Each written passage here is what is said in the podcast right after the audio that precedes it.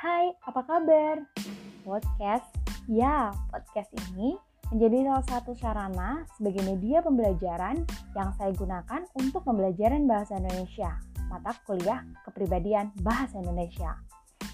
Satu lagi nih, ada balon terbang ke angkasa, warnanya merah hati. Meski hanya lewat suara, semoga tetap sampai ke hati.